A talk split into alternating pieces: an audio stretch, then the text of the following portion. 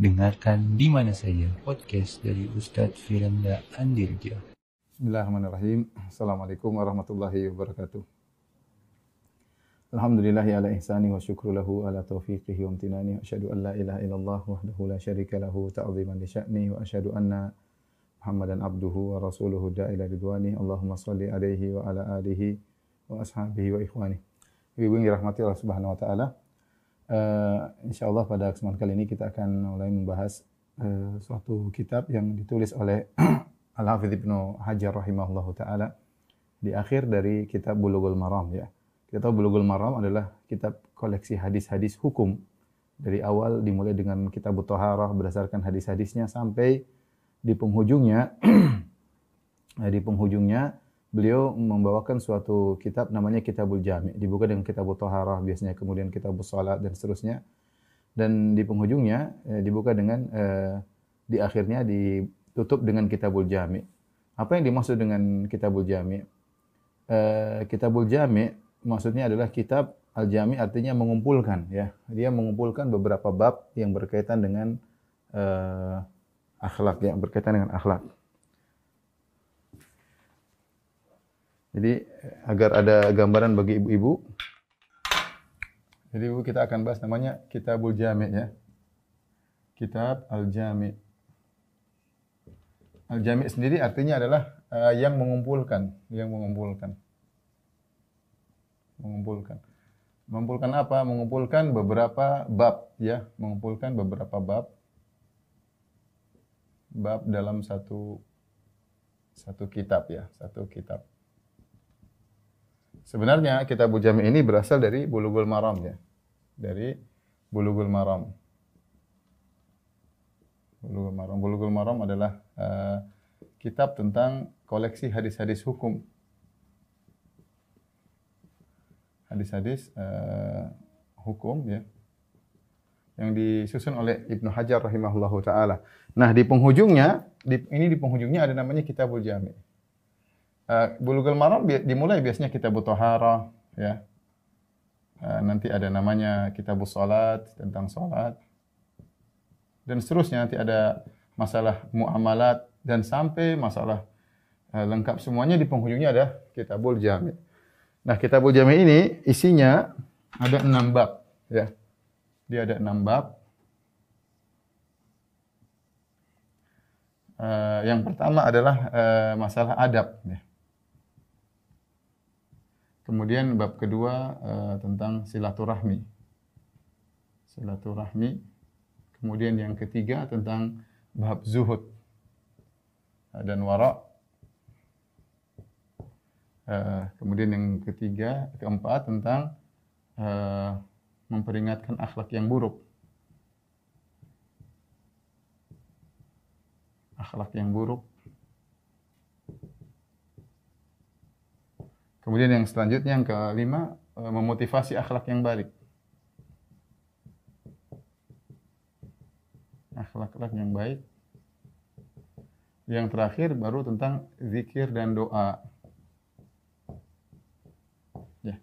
Inilah uh, enam, enam bab yang uh, insya Allah akan uh, kita bahas ya. Satu, dua, empat, lima, enam. Dan kalau kita lihat eh, rata-rata uh, isinya berkaitan dengan akhlak dan amal soleh ya. Kalau kita boleh uh, ringkaskan ini berkaitan tentang apa? Tentang akhlak ya, adab, amal soleh.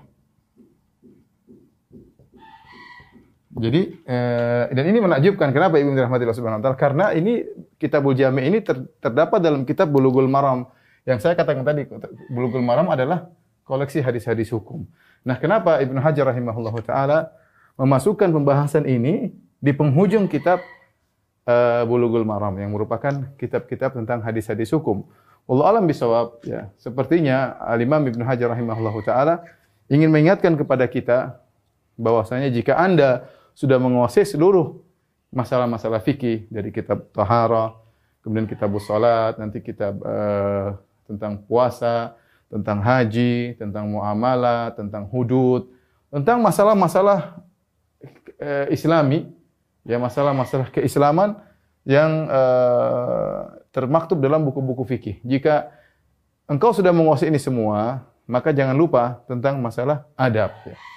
Jadi ini isyarat bahwasanya sebagian orang ketika memiliki ilmu yang uh, mumpuni, terkadang mereka lupa dengan adab, bahkan terkadang tertimpa dengan penyakit gurur, ujub, sombong, angkuh dan yang lainnya. Maka uh, Ibn Hajar ingin memperingatkan bahwasanya ilmu yang kau dapatkan janganlah menjadikan engkau lupa diri, lupa daratan, menjadikan engkau sombong dan angkuh, maka ingatlah tentang hal-hal ini, belajarlah adab, silaturahmi, zuhud dan wara, eh, hati-hati dengan akhlak yang buruk, lakukanlah akhlak yang baik dan jangan lupa zikir dan uh, dan doa.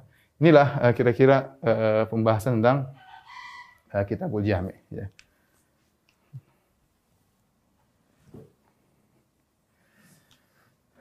Baik, Ibu yang dirahmati Subhanahu wa taala. sebelum kita membahas tentang masalah isi dari Kitabul Jami, saya akan bahas tentang uh, keutamaan keutamaan berakhlak yang mulia ya karena kita tadi setelah kita ringkas kira-kira Kitabul Jami isinya adalah tentang adab dan akhlak. Ya, kenapa kita harus belajar adab? Kenapa harus belajar akhlak? Kenapa harus berzikir? Kenapa harus ini harus kita perhatikan karena adab dan akhlak adalah perkara yang sangat diperhatikan dalam syariat ya. Sangat diperhatikan dalam syariat ya. Dan banyak perkataan para ulama menjelaskan tentang pentingnya uh, belajar adab. Uh, di antaranya ada beberapa poin yang saya kumpulkan tentang keutamaan akhlak yang mulia.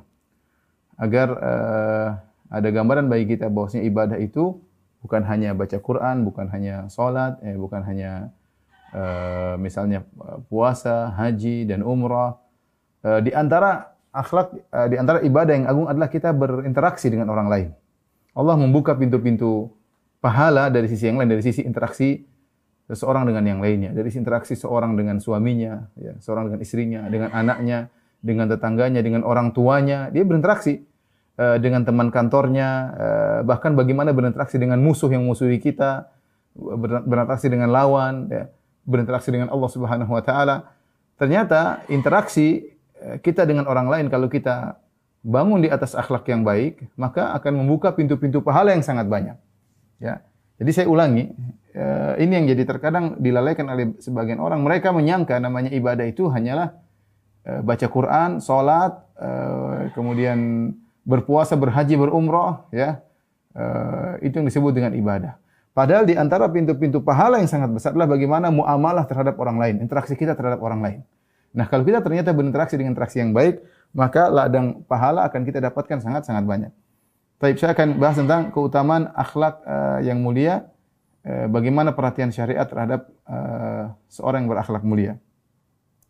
Yang pertama, uh, ibu yang dirahmati Allah Subhanahu wa taala, ya.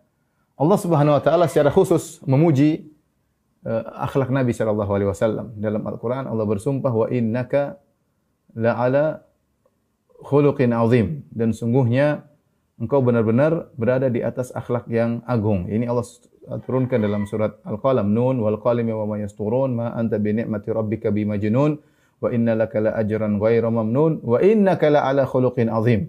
Sungguh benar-benar engkau berada di atas akhlak uh, yang uh, agung. Dan ketika Allah Subhanahu wa taala uh, menjelaskan tentang akhlak yang agung Nabi sallallahu alaihi wasallam dan ini Allah bawakan dalam rangka membantah tuduhan orang-orang kafir terhadap Nabi wasallam menunjukkan seorang berusaha untuk meniru Nabi Wasallam karena Nabi dipuji dari poin ini. Nabi dipuji dalam suatu ayat uh, dengan penekanan yang luar biasa wa innaka la'ala kalau kita artikan secara bahasa Indonesia dan engkau benar-benar sungguh-sungguh Muhammad di atas akhlak yang agung. Ya, di atas akhlak yang agung. Berarti Nabi dipuji dari poin ini. Nah, kalau kita ingin di, dimuliakan oleh Allah Subhanahu wa taala, maka kita harus mulia dari poin ini, yaitu poin masalah uh, berakhlak yang mulia. Bagaimana kita bisa berakhlak yang mulia? Karena Nabi dipuji dari poin ini. Banyak hal yang dari yang dimiliki oleh Nabi SAW. Tapi Allah khususkan satu ayat untuk muji Nabi dari sisi uh, akhlak yang mulia. Jadi ikhwan, ya, ibu-ibu yang dirahmati Allah Subhanahu wa taala, maka uh, seorang berusaha untuk uh, menyempurnakan akhlaknya agar dia mendapat pujian dari Allah Subhanahu wa taala yang muji adalah Rabbul Alamin, bukan bukan makhluk yang muji adalah Rabbul Alamin. Kemudian di antara keutamaan seorang belajar akhlak yang mulia, Nabi SAW diutus untuk menyempurnakan akhlak. Kata Nabi SAW, wa innama bu'ithtu li utammima makarimal akhlak. Sungguhnya aku diutus untuk menyempurnakan akhlak yang mulia ya. Dalam sebagian riwayat wa innama uh, uh, wa innama bu'ithtu li utammima salihal akhlak. Sungguhnya aku diutus untuk menyempurnakan untuk menyempurnakan akhlak yang mulia.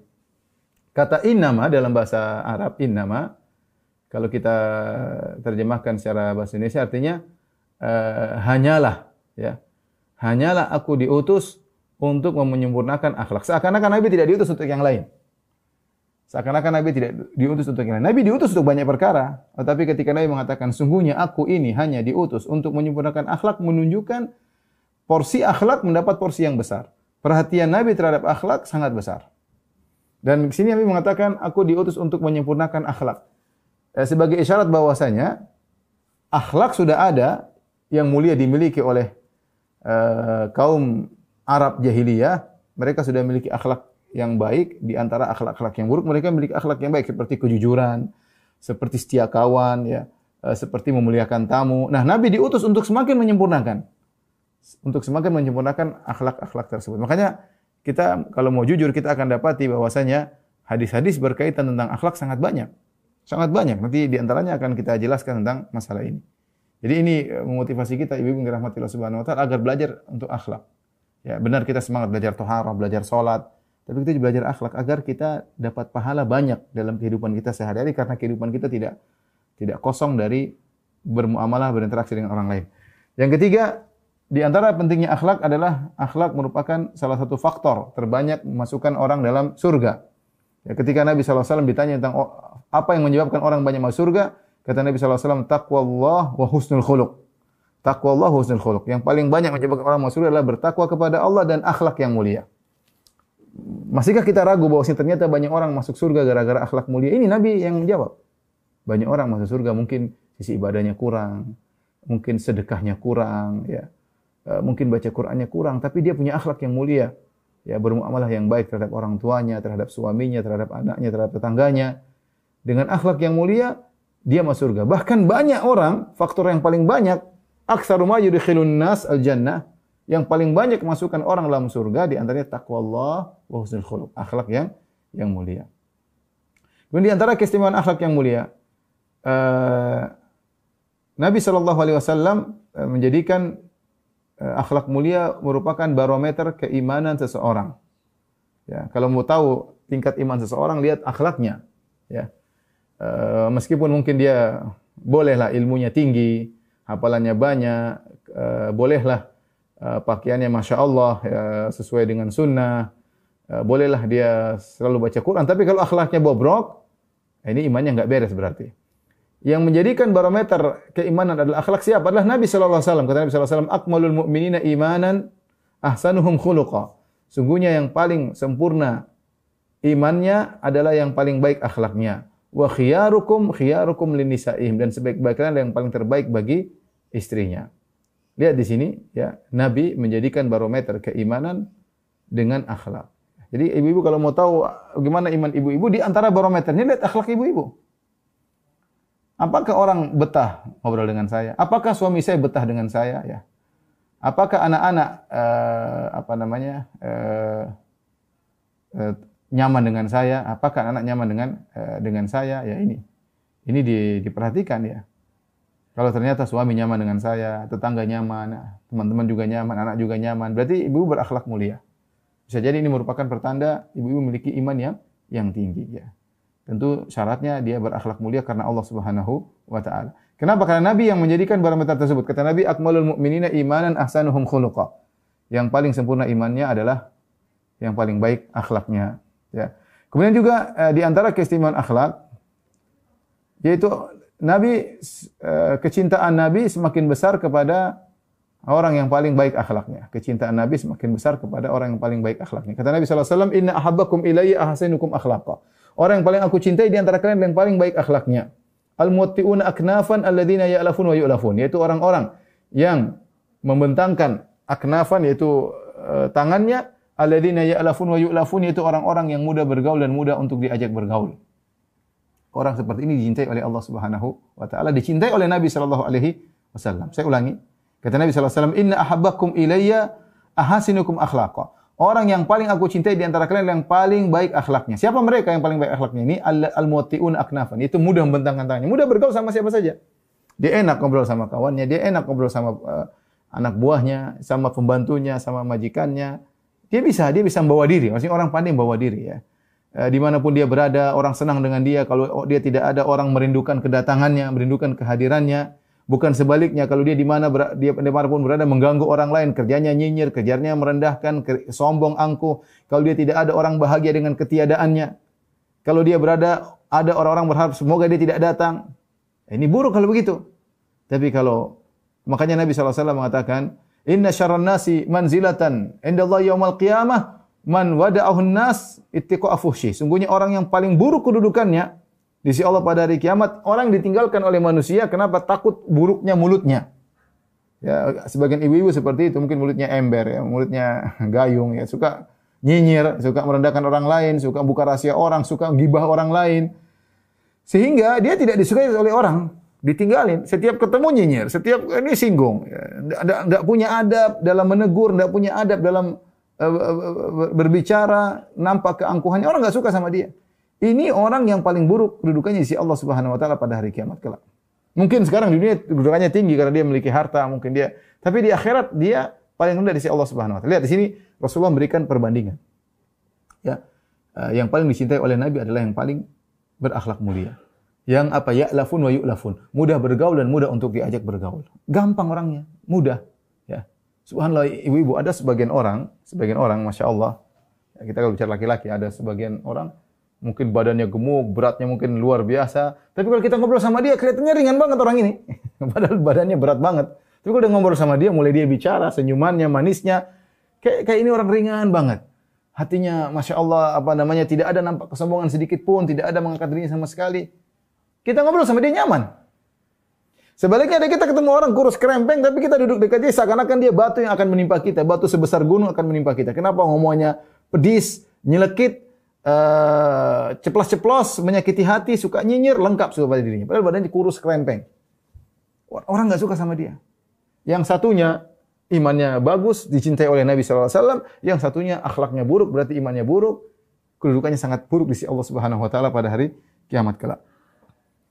Oleh karena ketika ada seorang datang ketemu dengan Nabi, orang tersebut melihat karismatik Nabi, ya, sehingga dia gemetar di hadapan Nabi SAW. Mengobrol, Nabi mengatakan, Hawin ala nafsik, tenang tenangkan dirimu.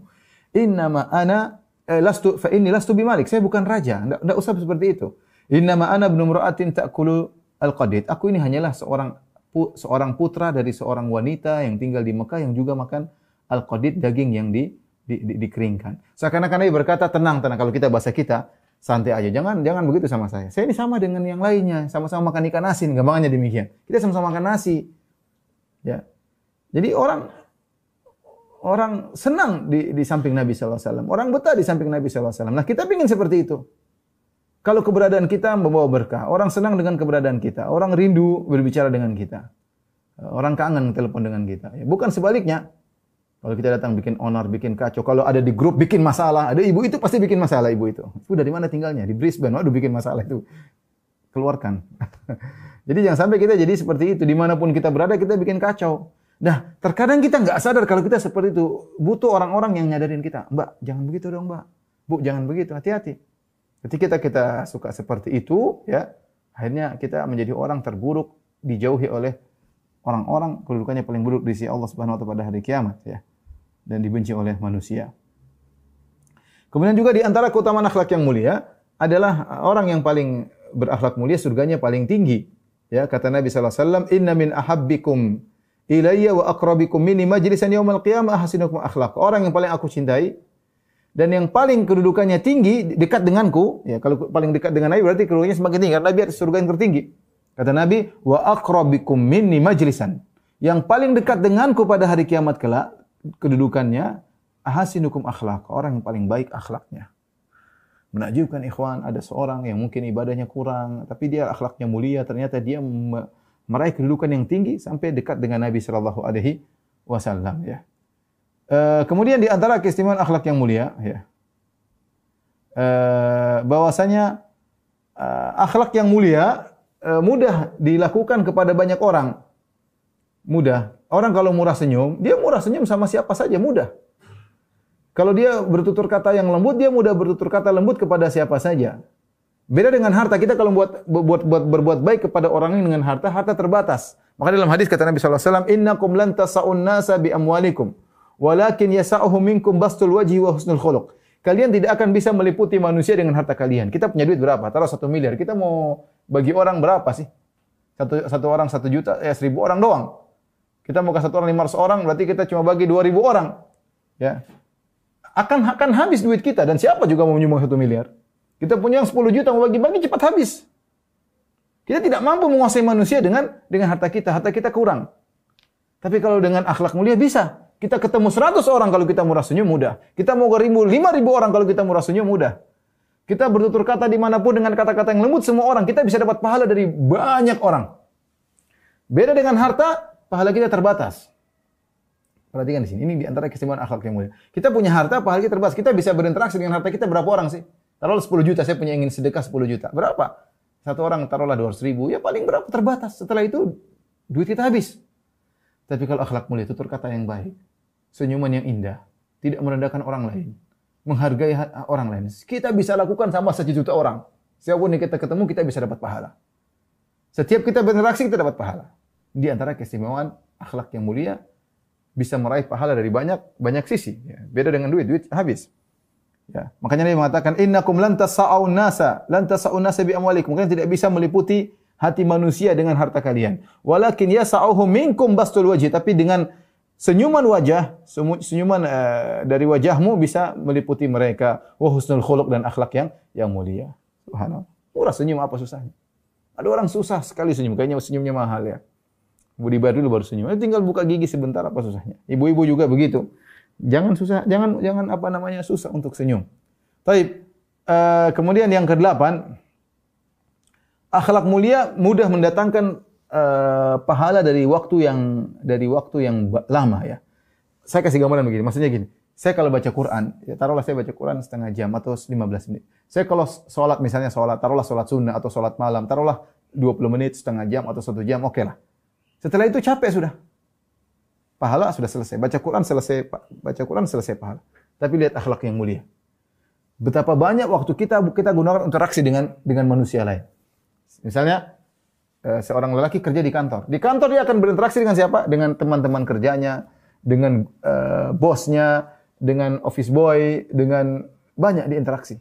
Kalau ternyata dia punya akhlak yang mulia, Selama dia berinteraksi mungkin 2 jam, 3 jam, 8 jam di kantor, pahala ngalir terus. Argo pahala ngalir terus. Kenapa? Dia sudah meraih pahala, dia sudah memiliki akhlak yang mulia.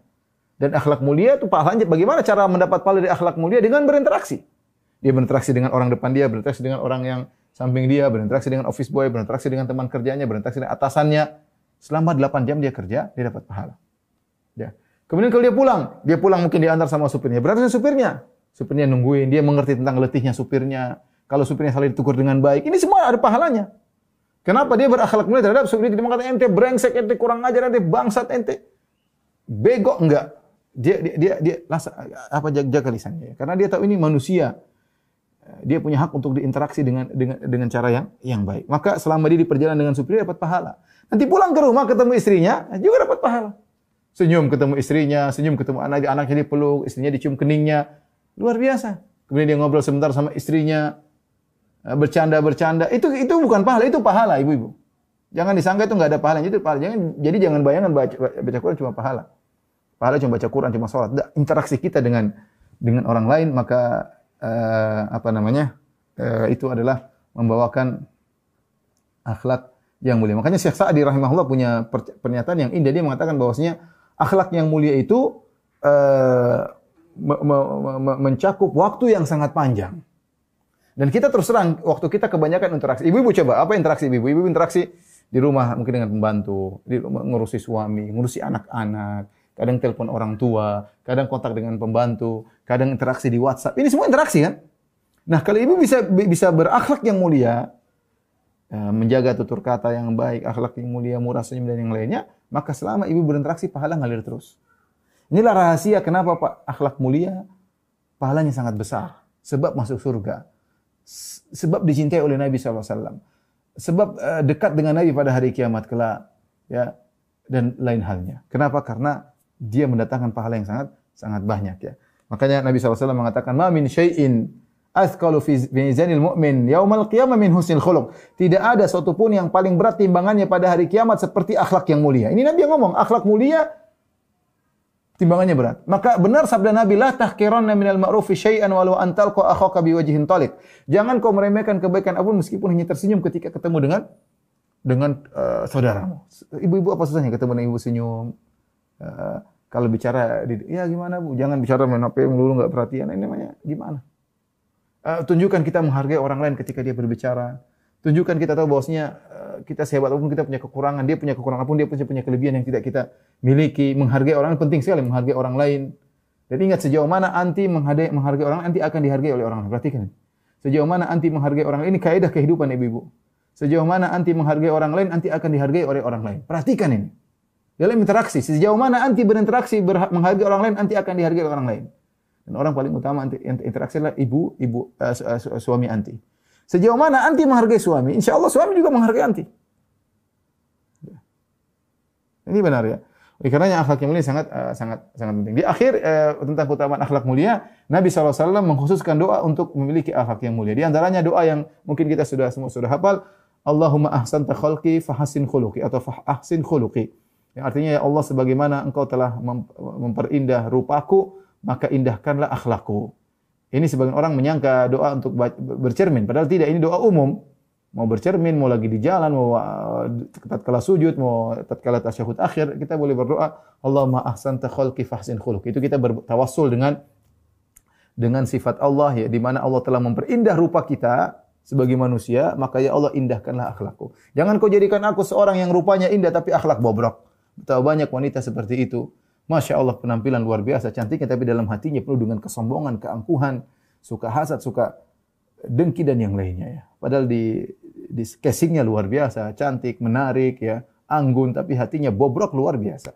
Kita tidak ingin seperti kita ingin uh, Allah menjadikan rupa kita indah, kita ingin juga akhlak kita diindahkan oleh Allah Subhanahu wa taala. Di antara doa Nabi SAW doa dan ini Nabi baca ketika doa istiftah dari hadis Ali bin Abi Thalib radhiyallahu anhu, doa istiftah yang panjang di penghujungnya Nabi berkata Allahumma hdini li ahsanil akhlaqi la yahdi li ahsani illa ant wasrif anni sayyi'aha la yasrifu anni sayyi'a illa ant. Ya artinya ya Allah, tunjukkanlah aku kepada akhlak yang terbaik. Tidak ada yang bisa menunjukkan aku kepada akhlak yang baik kecuali Engkau ya Allah. Aku tidak bisa tawadhu. Aku tidak bisa uh, murah senyum. Aku tidak bisa uh, menghilangkan sifat pelit kecuali Engkau yang memberikan aku seperti itu ya Allah. Wasrif anni sayyi'ah. Ya Allah jauhkanlah aku dari sifat-sifat yang buruk. Dari sombong, dari uh, ujub, angkuh, uh, merendahkan orang lain, suka emosi, pelit, La yasrifu anni sayyi'a ila Tidak ada yang bisa membuat aku berpaling dari dari akhlak-akhlak buruk tersebut kecuali Engkau uh, ya Allah. Di antara doa Nabi SAW juga yaitu Allahumma inni a'udzubika min munkaratil akhlaqi wal a'mali wal ahwa. Ya Allah, aku berlindung kepada Engkau dari akhlak yang mungkar, dari amalan yang buruk dan dari hawa nafsu yang yang buruk ya. Ini uh, uh, keutamaan akhlak yang uh, yang mulia ya. Uh, yang, yang yang dan ini berdampak dalam kehidupan seorang orang akhlak mulia, hatinya tentram ya.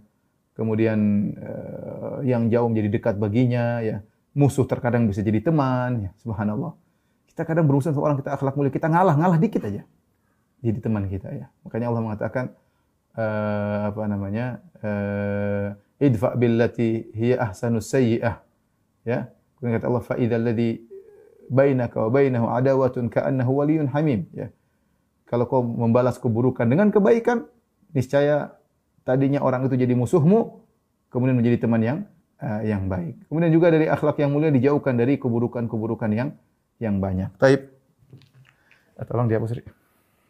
Eh, Kita ringkaskan biar ibu-ibu bisa apa namanya? eh, pengingat ya tentang keutamaan akhlak yang mulia agar kita termotivasi. Karena saya katakan tadi ibu kita ini hari-hari kita interaksi. Kita interaksi dengan dengan maksudnya ibadah mahdhah, cuma baca Quran sebentar, zikir pagi petang 10 menit 15 menit selesai. Salat subuh 10 menit selesai, zikir setelah itu zikir pagi petang, setelah itu kita interaksi dengan manusia. Kita dengan suami, dengan anak, dengan teman-teman di grup, dengan penjual, dengan pembeli. Kalau kita berakhlak mulia, ya pahala argo, pahala jalan terus. Ya. ya. Tadi saya akan ringkaskan tidak semua tapi sebagian ya eh, keutamaan akhlak mulia.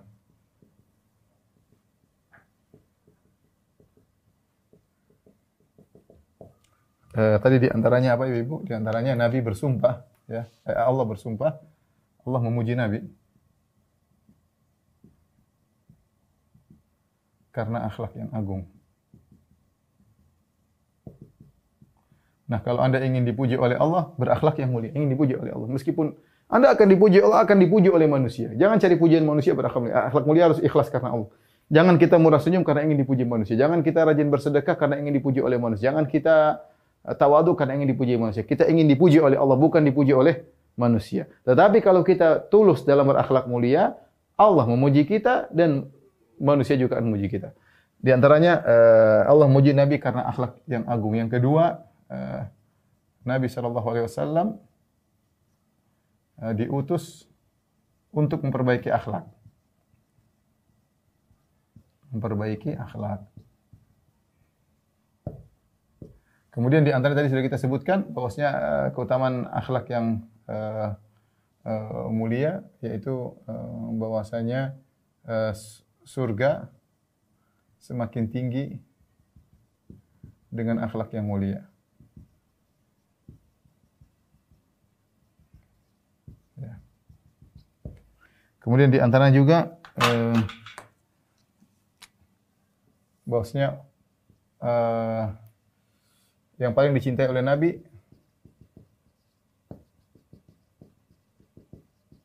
Sallallahu Alaihi Wasallam yang paling mulia akhlaknya.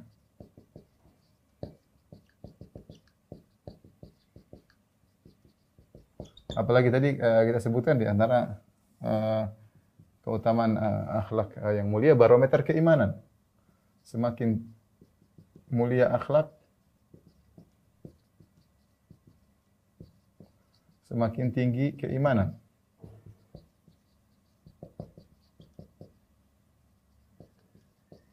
Semakin tinggi keimanan. Tadi kata Nabi sallallahu alaihi wasallam uh, akmalul minna imanan ahsanum khuluqa. Yang paling mulia imannya yang paling uh, tinggi uh, keimanannya.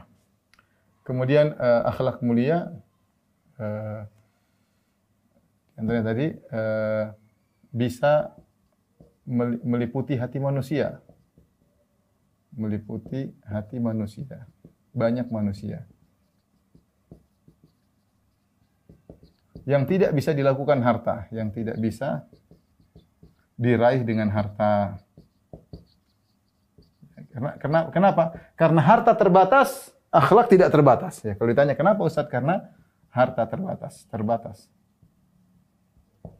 Adapun adapun akhlak, akhlak tidak terbatas. Akhlak tidak terbatas. Saya tadi contohkan, kalau kita mau bagi duit sama orang, kita punya 10 juta, paling bagi 100 orang sudah habis, satu orang 100 ribu habis semua. Tapi kalau kita senyum, mau bagi mau satu juta orang kita bisa senyum. Apa susahnya? Senyum satu juta orang, satu miliar orang kita bisa senyum.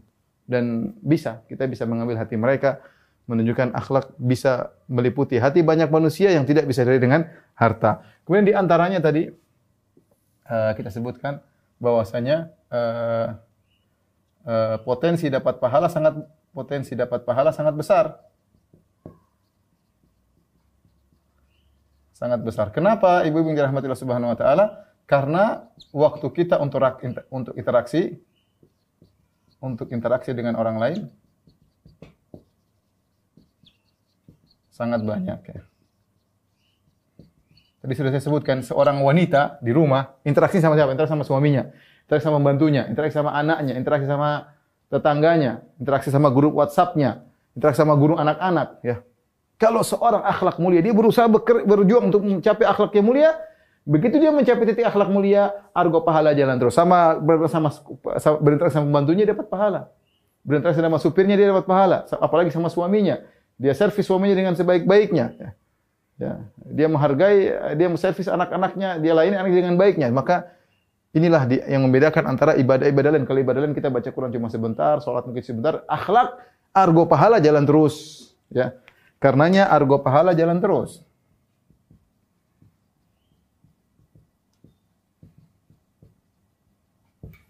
Kemudian di antara keutamaan akhlak mulia adalah uh, banyak uh, banyak doa uh, Nabi banyak Nabi banyak berdoa ya.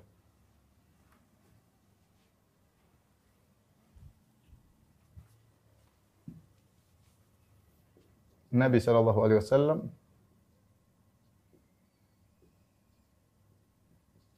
banyak berdoa minta akhlak yang mulia, minta dianugerahi akhlak mulia. Yang kedua minta dilindungi dari akhlak yang buruk.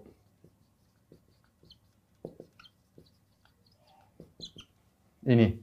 Inilah kira-kira 1, 2, 3, 4, 5, 6, 7, 8 poin-poin tentang keutamaan akhlak yang mulia. Yang ini semua membuahkan apa ibu-ibu? Membuahkan apa?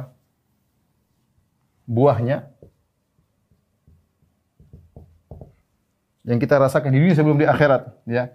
Buahnya di dunia sebelum akhirat. Apa hidup bahagia? Pertama hidup bahagia. Hidup bahagia. Bayangkan ibu-ibu seorang uh, mudah memaafkan, bahagia. Yang suka dendam sengsara. Bayangkan orang yang dermawan bahagia, mudah sedikit kasih ini mudah. Yang pelit sengsara. Orang yang suka pelit sengsara. Jadi akhlak yang mulia hidup bahagia. Kemudian apa? Membahagiakan orang di sekitarnya. Orang-orang di sekitarnya. Suaminya bahagia, anak-anaknya bahagia, pembantunya bahagia. Semua orang dekat dengan dia bahagia. Berangan-angan pembantu tidak ingin meninggalkan rumahnya. Kenapa? Senang kerja di situ. Kenapa? Dia berakhlak mulia membantunya. Sebagian orang kerja tidak betah. Ya. Sebagian wanita, suami tersiksa karena istrinya. Ya, ya ukhti hati-hati. Suaminya menderita seakan-akan ini orang paling menderita di dunia ini. Kenapa istrinya? Aduh, jangan tanya sudah. Suka marah-marah, tidak pernah berterima kasih, nuntutnya banyak. Kalau sama orang ketawa ketiwi, ya sama suaminya marah-marah melulu, ya. Kemudian mau poligami tidak boleh, menderita dia laki-laki ini. Paling menderita di alam semesta kenapa? Istrinya bikin dia begitu. Jadi kalau seorang wanita solehah, masya Allah, dia bahagia, suaminya betah sama dia, ngobrol sama dia betah. Sama kalau suami juga akhlak buruk, pelit saja. Suami pelit saja, istrinya sangat menderita. Sangat sangat menderita suami pelit. Mau ke salon nggak ada duit, mau ini nggak bisa, padahal tabungan banyak ya sedikit-sedikit emosi. Orang kalau sudah pelit bawaannya suka emosi. Karena sedikit itu mahal loh, itu mahal loh emosi. Kasihan. Anak-anak menderita, istrinya menderita. Orang berakhlak mulia, ya, hidupnya eh, bahagia. Ya, bahkan yang jauh menjadi dekat. Ya, yang jauh menjadi dekat.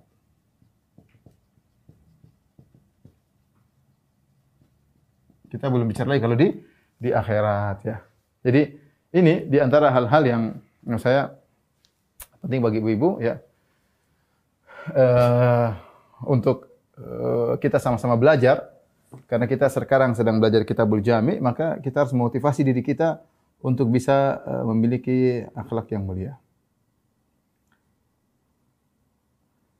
Uh, Taib, tolong dihapus ya. Taib ibu rahmatillah subhanahu wa ta'ala, uh, akhlak ada dua model ya. Akhlak ada dua model ya. Akhlak yang mulia ada dua model. Namanya ada yang namanya uh, khuluqun jibilli. Jibilli itu dari sananya seperti itu. Yang kedua namanya uh, khuluq muktasab yang diusahakan. Diusahakan. Uh, yang jibilli seperti dalam hadis uh, Rasulullah SAW pernah berkata kepada Al-Ashaj ya, inna apa namanya inna fika khoslataini yuhibbahumullah al-hilmu wal anat. Eh, Rasulullah berkata kepada seorang sahabat, engkau memiliki dua perangai yang Allah cintai. Yaitu engkau al-hilm wal ana, tidak tergesa-gesa dan engkau tidak al-hilm itu tidak segera melampiaskan tapi sabar ya. Engkau memiliki dua sifat ini, perangai yang bagus. Maka dia bertanya, uh, uh, ajabalani Allahu alaihima am takhallaqtu bihima. Atau kama dia berkata, ya Rasulullah ini dua akhlak, apakah dari sananya Allah kasih kepadaku atau aku yang berusaha untuk meraihnya? Kata Nabi SAW, bal jabal, jabalakallahu alaihima. Allah Subhanahu wa taala menjadikan engkau memiliki dua akhlak tersebut. Ini namanya akhlak dari sananya. Ada orang seperti yang dari sananya murah senyum. Kenapa? Bisa jadi contohnya dia lahir dalam keluarga yang ternyata ayah ibunya murah senyum. Sehingga dia terdidik dan dari sananya memang murah senyum, ramah sama orang, sudah adab sudah berkembang dalam kehidupannya. Dari sananya seperti itu. Ada orang dari sananya sabar, diganggu apa dia tidak mudah emosi. Tidak mudah emosi, sabar, kemudian senyum, nerimo, ada seperti itu. Dari sananya seperti itu. Ada orang misalnya pendiam. Misalnya pendiam memang orang tidak banyak bicara. Bicara senyum sedikit-sedikit dia mungkin sibuk sendiri. Uh, tidak suka ngumpat sana ngumpat sini, tidak suka merendahkan orang lain. Dari sananya seperti itu. Ya tadi di antaranya Nabi sebut ada seorang dia mendapatkan karunia akhlak dari sananya yaitu al-hilmu wal anah, tidak tergesa-gesa dan al-hilm tidak mudah melampiaskan, tidak mudah marah. Dia selalu menimbang, memberi kesempatan kepada yang lain, beri udur kepada yang lain. Dan ini kata Nabi, kau dapat akhlak itu dari sananya. Ini yang model pertama. Model akhlak yang kedua, ya, model akhlak yang uh, uh, kedua ya, adalah uh, khulukun muktasab. Muktasab itu adalah diusahakan, diusahakan ya. Uh, oleh karenanya dalam satu hadis Nabi SAW mengatakan, "Ana zaimun bi baitin fi rabadil jannah liman hassana khuluquhu." Aku menjamin istana di surga bagi orang yang uh, fi fi alal jannah aku ana zaimun bi baitin fi alal jannah aku menjamin istana di bagian atas surga liman hasana khuluqau yang perbaiki akhlaknya memperbaiki akhlaknya ya memperbaiki akhlaknya Taib. kita akan tulis macam-macam akhlak uh, akhlak mulia sudah kita singgung ada dua yang jibilli Jibili itu dari sananya. Anugerah dari Allah. Anugerah dari Allah. Yang kedua namanya muktasab. Khulukun muktasabun. Yaitu diusahakan. Maksudnya apa diusahakan? Dari buruk, akhlak buruk, menjadi akhlak baik. Dia usahakan. Dan ini pahalanya besar. Nabi SAW mengatakan, Ana zaimun bi baitin bi bi baitin fi a'lal jannah liman hasana khuluquh. Dalam riwayat hasuna khuluquh. Dalam riwayat hasana khuluquh. Aku jamin istana di surga bagi orang memperbaiki, memperbaiki akhlaknya. Aku jamin istana di atas surga bagi yang memperindah akhlaknya.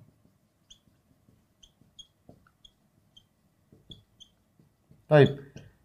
Ini menunjukkan uh, di kita dianjurkan untuk memperindah akhlak. Taib. Jika timbul pertanyaan Ibu yang dirahmati Allah mana yang lebih baik? Apakah jibili akhlak dari sini baik atau muktasab uh, diusahakan? Maka ada dua pendapat di kalangan para. Mana akhlak yang baik, jibili atau muktasab? Ditinjau mana yang lebih baik daripada keduanya. Ditinjau dari pahala mengusahakannya, maka muktasab lebih besar pahalanya. Karena dia berusaha. Bagaimana dia berubah dari akhlak yang buruk menjadi akhlak yang baik. Dari pelit menjadi dermawan. Dari suka marah menjadi sabar. Dari wajahnya selalu abus, lalu apa namanya wajah uh, apa namanya sangar bisa menjadi uh, wajah yang suka tersenyum. Ya suka ter, tersenyum. Ini bisa bisa dirubah akhlaknya, bisa. Ya. Dari tadinya sombong jadi tawadhu bisa. Dia berusaha. Usahanya itu pahalanya besar. Kata Nabi, aku siapkan istana di bagian atas surga bagi orang yang merubah akhlak, memperbaiki akhlaknya. Ya. Jadi akhlak bisa dirubah, perhatikan ibu. Jangan seorang uh, sombong dia, oh, saya, saya begitu dari tidak bisa berubah. Gimana tidak bisa berubah? Kalau akhlak tidak bisa dirubah, ngapain Nabi bawakan hadis-hadis tentang keutamaan akhlak mulia? Ya. Sebagai orang, saya memang dari begini, kalau ente bisa rubah. Saya orangnya temperamental, orangnya emosional, ya sudah. Saya subuh pendek, ya panjangkan sumu, jangan pendekkan subuhmu. Bisa dirubah. Berusaha. Ibu juga demikian. Sebagai ibu, aduh saya suka marah. Kenapa kalau lihat suami gini saya cepat emosi. Sabar, rubah dirimu. Itu akhlak buruk. Sebagian orang aku.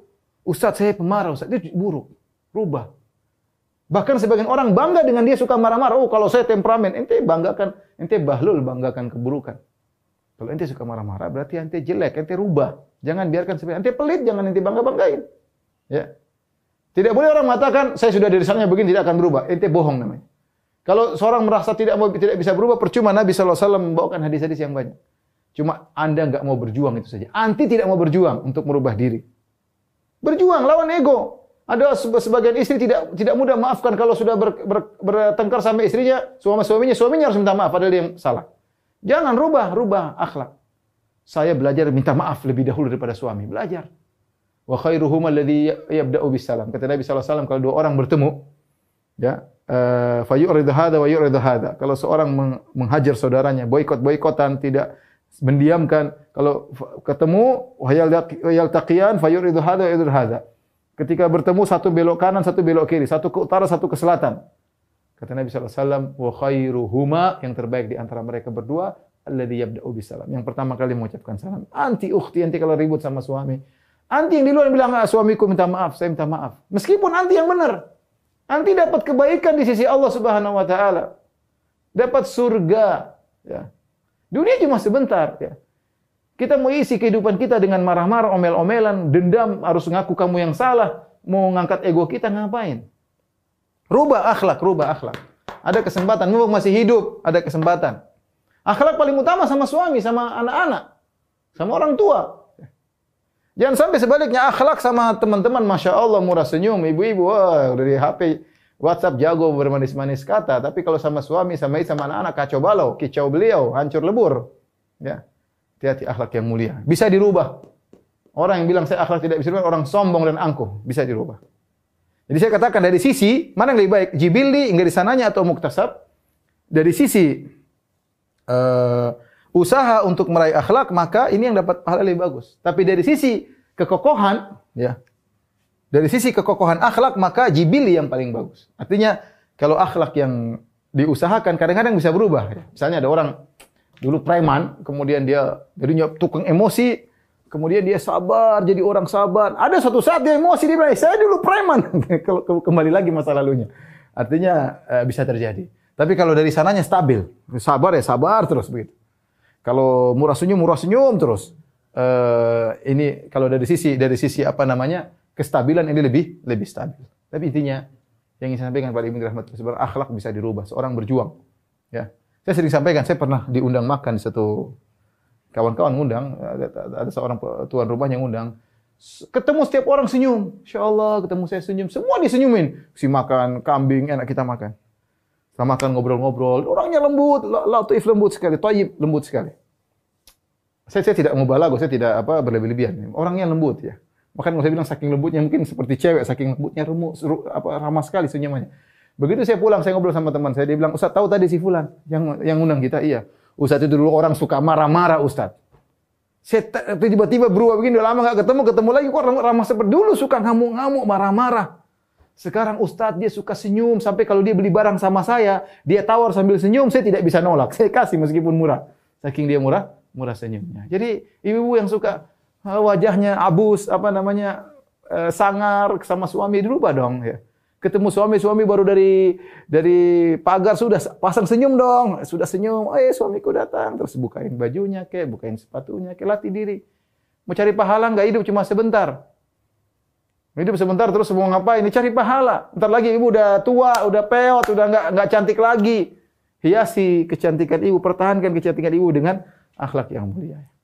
Ini saya cuma mau sampaikan kepada ibu-ibu karena ya kita bilang kita jangan terpedaya dengan dunia ya.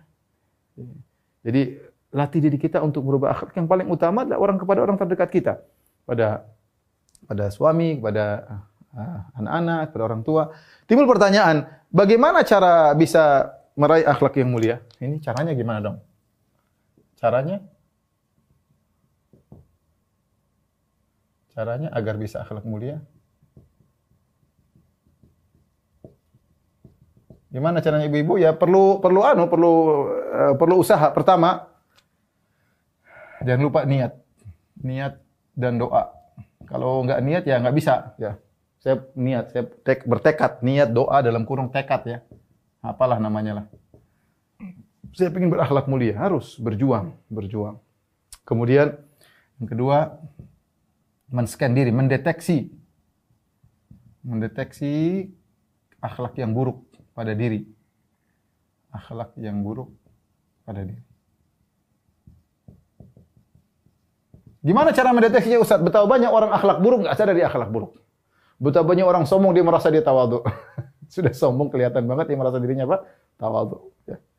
Caranya ya kita belajar, belajar tentang akhlak yang baik, belajar tentang akhlak yang buruk. Caranya gimana? Bisa jadi pertama belajar. Caranya belajar. Ya. Apa yang dipelajari? Mengenal akhlak yang baik. Mengenal akhlak-akhlak yang baik. Kemudian apa yang kita pelajari? Mengenal akhlak-akhlak yang buruk. Apa saja sih? Agar kita tahu. Kita belajar. Akhlak buruk, oh ternyata saya begini, ternyata saya suka hasad, ternyata saya suka ternyata saya suka ria, ternyata saya suka begini, ternyata, oh kita belajar dong. Kalau kita nggak belajar, kita nggak tahu. Yang kedua, tanya sama orang. Ya. Sama orang yang amanah. Karena apa orang bilang? apa blind spot ya, suatu keburukan tidak bisa lihat sendiri. Orang lain bisa lihat. Tanya sama kalau saya ustaz tanya sama murid saya, tanya sama kawan saya. Ah, tolong nasihati. Nanti ada yang nasihati, Ustaz, antum begini, antum begini, begini, begini. Ya, kita terima. Ini kita tanya sama orang yang tulus. Coba ibu-ibu duduk panggil sama duduk sama suami, Mas. Mas, saya mau nanya, Mas, Mas jujur ya. Apa mau nanya, sayang? Saya mau nanya, Mas, sebenarnya akhlak saya baik atau buruk? tanya baik sama suami. Mas jujur ya, eh, nanti kalau saya bilang akhlak buruk kamu ngamuk. enggak, enggak, saya jujur. Jadi saya enggak ngamuk, enggak marah. Udah, akhlakmu ada yang baik, ada yang buruk. Yang buruk apa aja, Mas? Oh, tanya sama suami, insya Allah ngerti banget itu. Kamu satu, mungkin dibuat list bisa jadi 30 akhlak yang buruk. Kamu satu, dua, tiga, empat. Ya, kita pelajari dong, itu enggak apa-apa. Nah, kita gantian, kamu juga akhlaknya buruk, Mas satu. Saling yang perbaiki. Kalau kita nggak kita malu tanya suami, tanya sama kawan, tanya sama adik, tanya sama kakak. Orang lain bisa melihat kekurangan kita. Ya. Eh, kita mungkin kurang bisa melihat. Makanya tanya. Kalau kalau kita malu nanya kita belajar. Tapi tadi terkadang kalau kita tidak meneliti dengan baik, maka alat scan kita ini, alat swabnya itu nggak bagus sehingga tidak terdeteksi virus-virus yang ada. Ya. Tapi kalau kita benar-benar meneliti dengan baik, kita akan tahu apa saja kekurangan-kekurangan yang kita uh, miliki. Jadi inilah ibu yang dirahmati Allah Subhanahu wa taala, mukadimah yang saya sampaikan tentang masalah kitabul jami'. Karena dalam kitabul jami kita akan belajar adab, belajar akhlak. Kita sama-sama ingin akhlak yang baik. Kita sama-sama ingin dekat dengan Nabi sallallahu alaihi wasallam.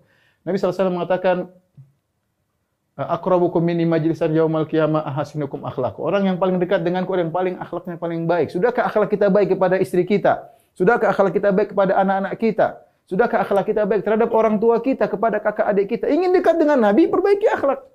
Anti ingin dekat dengan Nabi, perbaiki akhlak sama suami. Kalau nanti ternyata akhlaknya buruk, jauh dari Nabi Shallallahu jauh. Hidup cuma sementara, perbaiki diri. Isi kehidupan dengan waktu dengan yang bermanfaat. Di antaranya kita akan belajar tentang akhlak eh, dari uh, insya Allah buku uh, Kitabul Jami. Baik, demikian saja ibu-ibu kajian kita di Ibu Band. Insya Allah kita lanjutkan pada kesempatan uh, yang lain. Uh, kurang lebihnya saya mohon maaf. Uh, kita lanjutkan insya Allah pada syarah kitabul jami. Ibu kalau punya kitabul bulu maram bisa bawa bulu maram di jilid terakhir uh, atau bagian terakhir itu tentang hadis-hadis berkaitan dengan akhlak akan kita bahas insya Allah satu hadis demi hadis ya. Allah taala bisawab. Uh, subhanakallah bihamdik asyhadu an la ilaha illa. Assalamualaikum warahmatullahi wabarakatuh.